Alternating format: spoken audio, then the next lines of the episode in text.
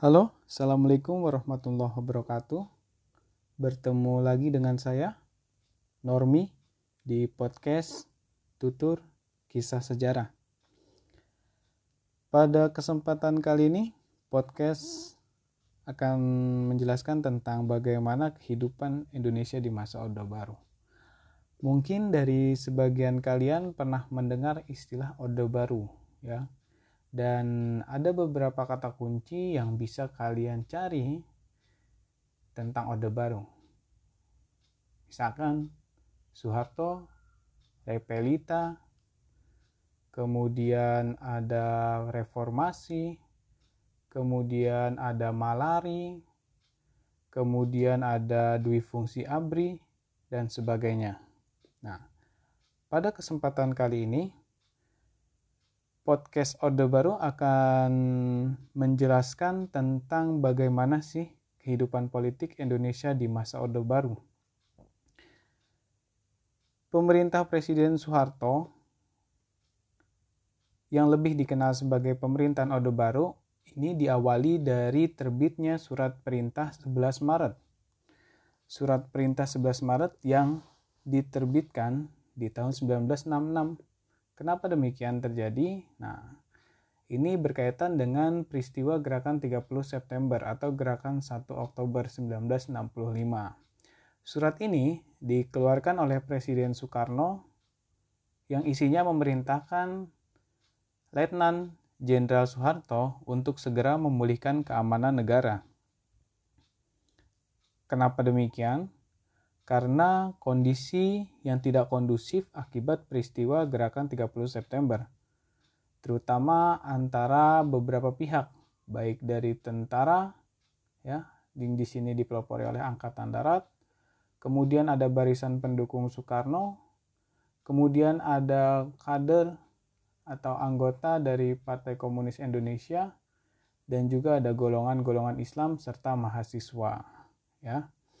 Nah, pada masa awal pemerintahan Presiden Soeharto, sebenarnya terdapat beberapa poin-poin penting nih. Salah satunya tentang rencana pembangunan lima tahun. Dan juga pemerintahan Orde Baru juga berhasil menyelenggarakan pemilu yang terjadi di tahun 1971, 1977, 1982, 1992 dan 1997.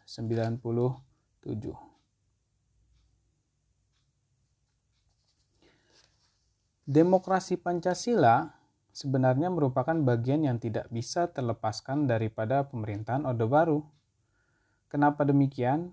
Karena dalam demokrasi Pancasila ada beberapa ciri-ciri yang bisa disimpulkan terjadi di masa Orde Baru.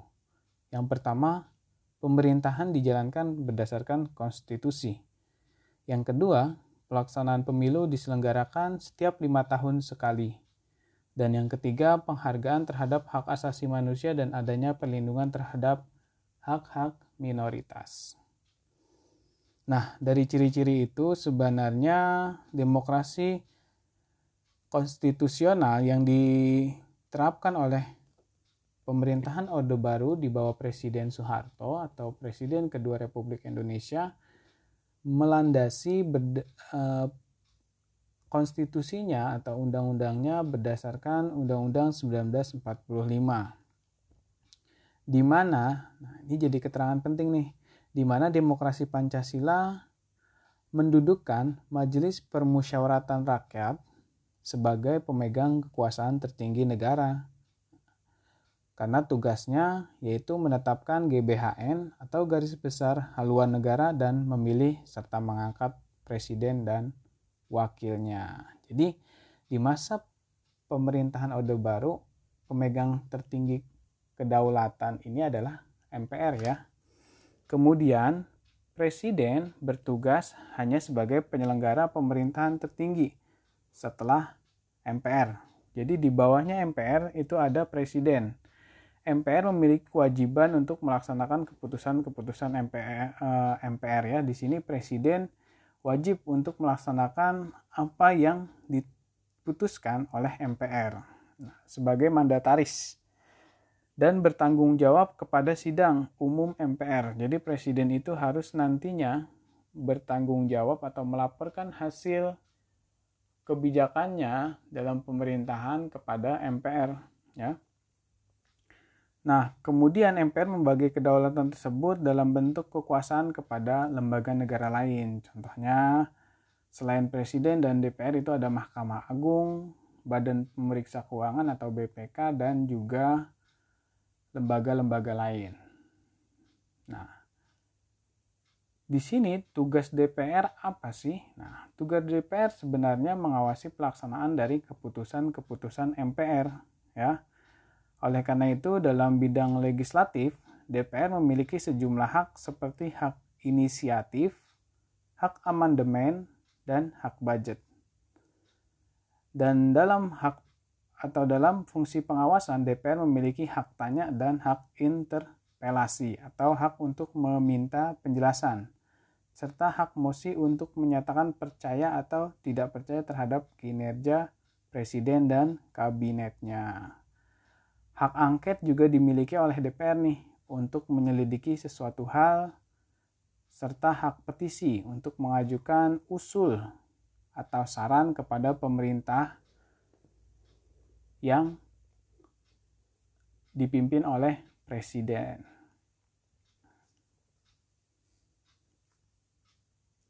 Kemudian ada beberapa hal yang memang terjadi dan penting untuk disimak di masa pemerintahan Orde Baru. Yang pertama ada penyederhanaan partai politik. Nah, penyederhanaan partai politik ini memang terjadi di masa Orde Baru di masa sebelumnya partai politik cukup banyak, terutama di tahun 1955 ketika pemilu pertama Indonesia. Nah, di masa Orde Baru, pemilu pertama pada 3 Juli 1971 berdasarkan surat keputusan Presiden nomor 43 yang dikeluarkan tanggal 23 Mei 1970, organisasi politik yang dapat mengikuti pemilu adalah partai yang pada saat pemilu sudah ada dan diakui, serta yang pastinya memiliki wakil di DPR dan DPRD. Berapa jumlah partai yang ada di tahun 1971? Itu ada 9 partai. Nah, 9 partainya antara lain yang pertama Ikatan Pendukung Kemerdekaan Indonesia atau disingkat IPKI. Yang kedua ada Murba, yang ketiga ada Nahdlatul Ulama. Yang keempat ada Persatuan Partai Islam Persatuan Tarbiyah Islam. Kemudian yang kelima ada Partai Katolik. Yang keenam ada Partai Kristen Indonesia.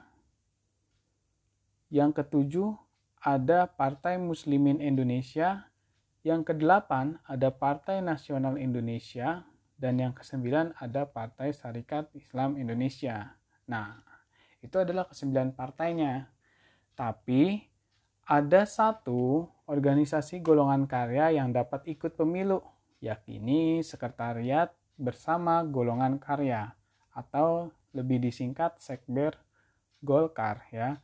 Nah, Sekber Golkar ini eh, pada pemilu pertama memenangi total perolehan suara ya di tahun 1971. Bahkan tidak hanya di tahun 1971 saja. 1977, 1982, 1987, 1992 dan 1997. Nah, sehingga perolehan Golkar atau Sekber Golkar ini di DPR merupakan suara mayoritas dan otomatis Presiden Soeharto selalu diusulkan sebagai presiden ketika rapat sidang DPR maupun MPR. Nah, di sinilah pengelompokan partai ini terjadi. Jadi di tahun 1973 ada gagasan dari pemerintah untuk menyederhanakan partai menjadi hanya dua partai ya sistem dua dui partai ini sebenarnya juga dipakai oleh negara-negara yang ada di Eropa dan Amerika ya. Nah, pada 1973 setelah partai-partai politik menyetujui kebijakan penyederhanaan partai, terbentuklah dua partai politik.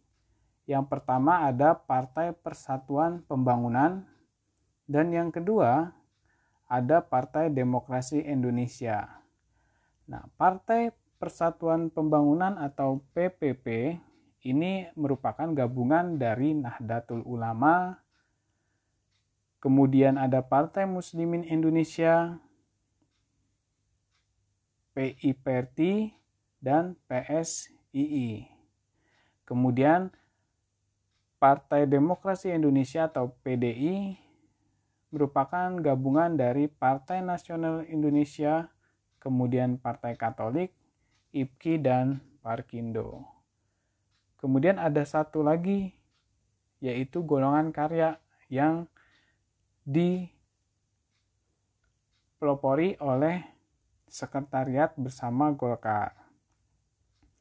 Jadi sebenarnya penyederhanaan partai ini merupakan bagian yang tidak terlepaskan dari latar belakang terjadinya peristiwa di masa-masa sebelumnya, terutama di masa demokrasi liberal ya. Tujuannya untuk menciptakan stabilitas nasional dalam kehidupan berbangsa dan bernegara. Berdasarkan pengalaman ini dari kabinet parlementer, adanya keragaman politik dan ketidakseragaman persepsi, akhirnya timbul konflik yang berkepanjangan dan dampaknya berkaitan dengan program-program pemerintah yang tidak berjalan dengan baik. Oke, Nah, kemudian yang kedua, yang kedua adalah tentang pelaksanaan pemilu yang berkesinambungan. Di masa Orde Baru, pemilu dilaksanakan berdasarkan waktu lima tahunan. Penyelenggaraan pemilu berjalan secara demokratis, ya. Kesan bahwa demokrasi berjalan dengan baik dalam pelaksanaannya itu di Buktikan dengan asas Luber, langsung umum, bebas, dan rahasia. Namun, memang dominasi dari golongan karya yang selalu memenangkan pemilu memungkinkan Soeharto tetap menjadi presiden selama enam periode. Soeharto sangat mendominasi kehidupan politik di Indonesia. Bahkan dalam setiap pertanggungjawaban yang ia sampaikan, pada setiap masa akhir jabatan selalu disetujui oleh MPR. Usulan-usulan pemerintah dan rancangan undang-undang yang diajukannya juga selalu mendapat persetujuan dari MPR dan DPR ya. Nah, kemudian untuk poin yang ketiga adalah peran ganda atau dui fungsi ABRI. Nah, konsep dui fungsi ABRI sebenarnya adalah peran ABRI selain sebagai aparatur pemerintah yang bertugas menjaga pertahanan dan keamanan negara, tetapi juga sebagai salah satu unsur golongan karya yang ikut aktif dalam menentukan haluan dan politik negara. Konsep dan istilah dui fungsi ABRI secara tegas memang tertuang dalam doktrin kekaryaan ABRI yang dikeluarkan pada 1975 banyak anggota yang ditempatkan di DPR, MPR maupun DPD tingkat provinsi untuk Angkatan Bersenjata Republik Indonesia. Nah, hubungan ABRI dan Golkar disebut sebagai hubungan yang bersifat simbiosis mutualisme. Apa itu simbiosis mutualisme? Adalah hubungan yang saling menguntungkan satu dengan yang lainnya. Nah, ABRI juga bersama-sama dengan KOPRI ya juga dijadikan sebagai salah satu tulang punggung yang menyangga keberadaan Golkar sebagai organisasi politik yang berkuasa pada waktu itu. Nah, kemudian yang keempat, yang keempat adalah tentang pedoman, penghayatan, dan pengamalan Pancasila atau yang disingkat P4. Pemerintah merasa perlu untuk menyeragamkan pemahaman terkait Pancasila, karena Pancasila merupakan konsensus nasional. Diperlukan suatu pedoman agar tidak banyak tafsir yang terjadi di antara masyarakat pada saat itu, terutama ketika Pancasila juga dijadikan sebagai alat politik. Nah, oleh sebab itu, pemerintah akhirnya membuat rancangan pedoman penghayatan dan pengamalan Pancasila. Pada 21 Maret 1978 disahkanlah oleh MPR menjadi TAP MPR nomor 2 garis miring MPR garis miring 1978. Komisi Penasihat Presiden mengenai P4 dibentuk oleh pemerintah. Komisi ini nanti dipimpin oleh Dr. Ruslan Abdul Ghani untuk mengkoordinasikan pelaksanaan program penataran P4 yang dilaksanakan pada tingkat nasional dan regional. Nah, apa sih isi daripada P4 ini? Sebenarnya isi dari P4 pemerintah ingin menerapkan Pancasila sebagai asas tunggal dalam kehidupan berorganisasi dan bermasyarakat.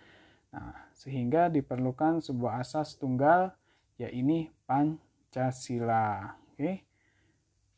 Kemudian yang kelima adalah penataan politik luar negeri Indonesia. Kenapa perlu ditata? Karena pada masa Presiden Soekarno, tepatnya 1 Januari 1965, Indonesia menyatakan keluar dari keanggotaan PBB, Perserikatan Bangsa-Bangsa. Kenapa hal itu bisa terjadi? Karena tindakan sepihak Inggris yang membentuk Malaysia tanpa melaksanakan referendum terlebih dahulu dan Malaysia yang diterima sebagai anggota tidak tetap Dewan Keamanan PBB membuat Soekarno sebagai Presiden Republik Indonesia pada saat itu menganggap Malaysia sebagai perpanjangan tangan dari neokolonialisme Inggris yang nantinya akan membahayakan posisi Indonesia. Nah, di masa Orde Baru, penataan kembali politik luar negeri Indonesia terjadi kembali. Diawali dari Indonesia masuk kembali dalam anggota PBB di tanggal 28 September 1966. Kemudian Selain masuk ke dalam anggota PBB, juga Indonesia melakukan normalisasi hubungan dengan Singapura dan Malaysia. Serta pemerintah Orba juga membekukan hubungan diplomatik dengan Republik Rakyat Tiongkok dan Kuba yang merupakan negara dengan ideologi komunis. Salah satu contohnya nanti di KBRI di Peking ditutup dalam waktu yang tidak ditentukan. Nah, selain terhadap negara-negara lain, Indonesia juga terlibat dalam pembentukan organisasi-organisasi internasional maupun regional seperti OKI, Organisasi Konferensi Islam, OPEC, kemudian ada APEC dan ASEAN. Oke, itu dulu untuk podcast tutur kisah sejarah pemerintahan Orde Baru dalam bidang politik. Sampai bertemu lagi di podcast kisah tutur sejarah lainnya. Salam sejarah, salam semangat. Assalamualaikum warahmatullahi wabarakatuh.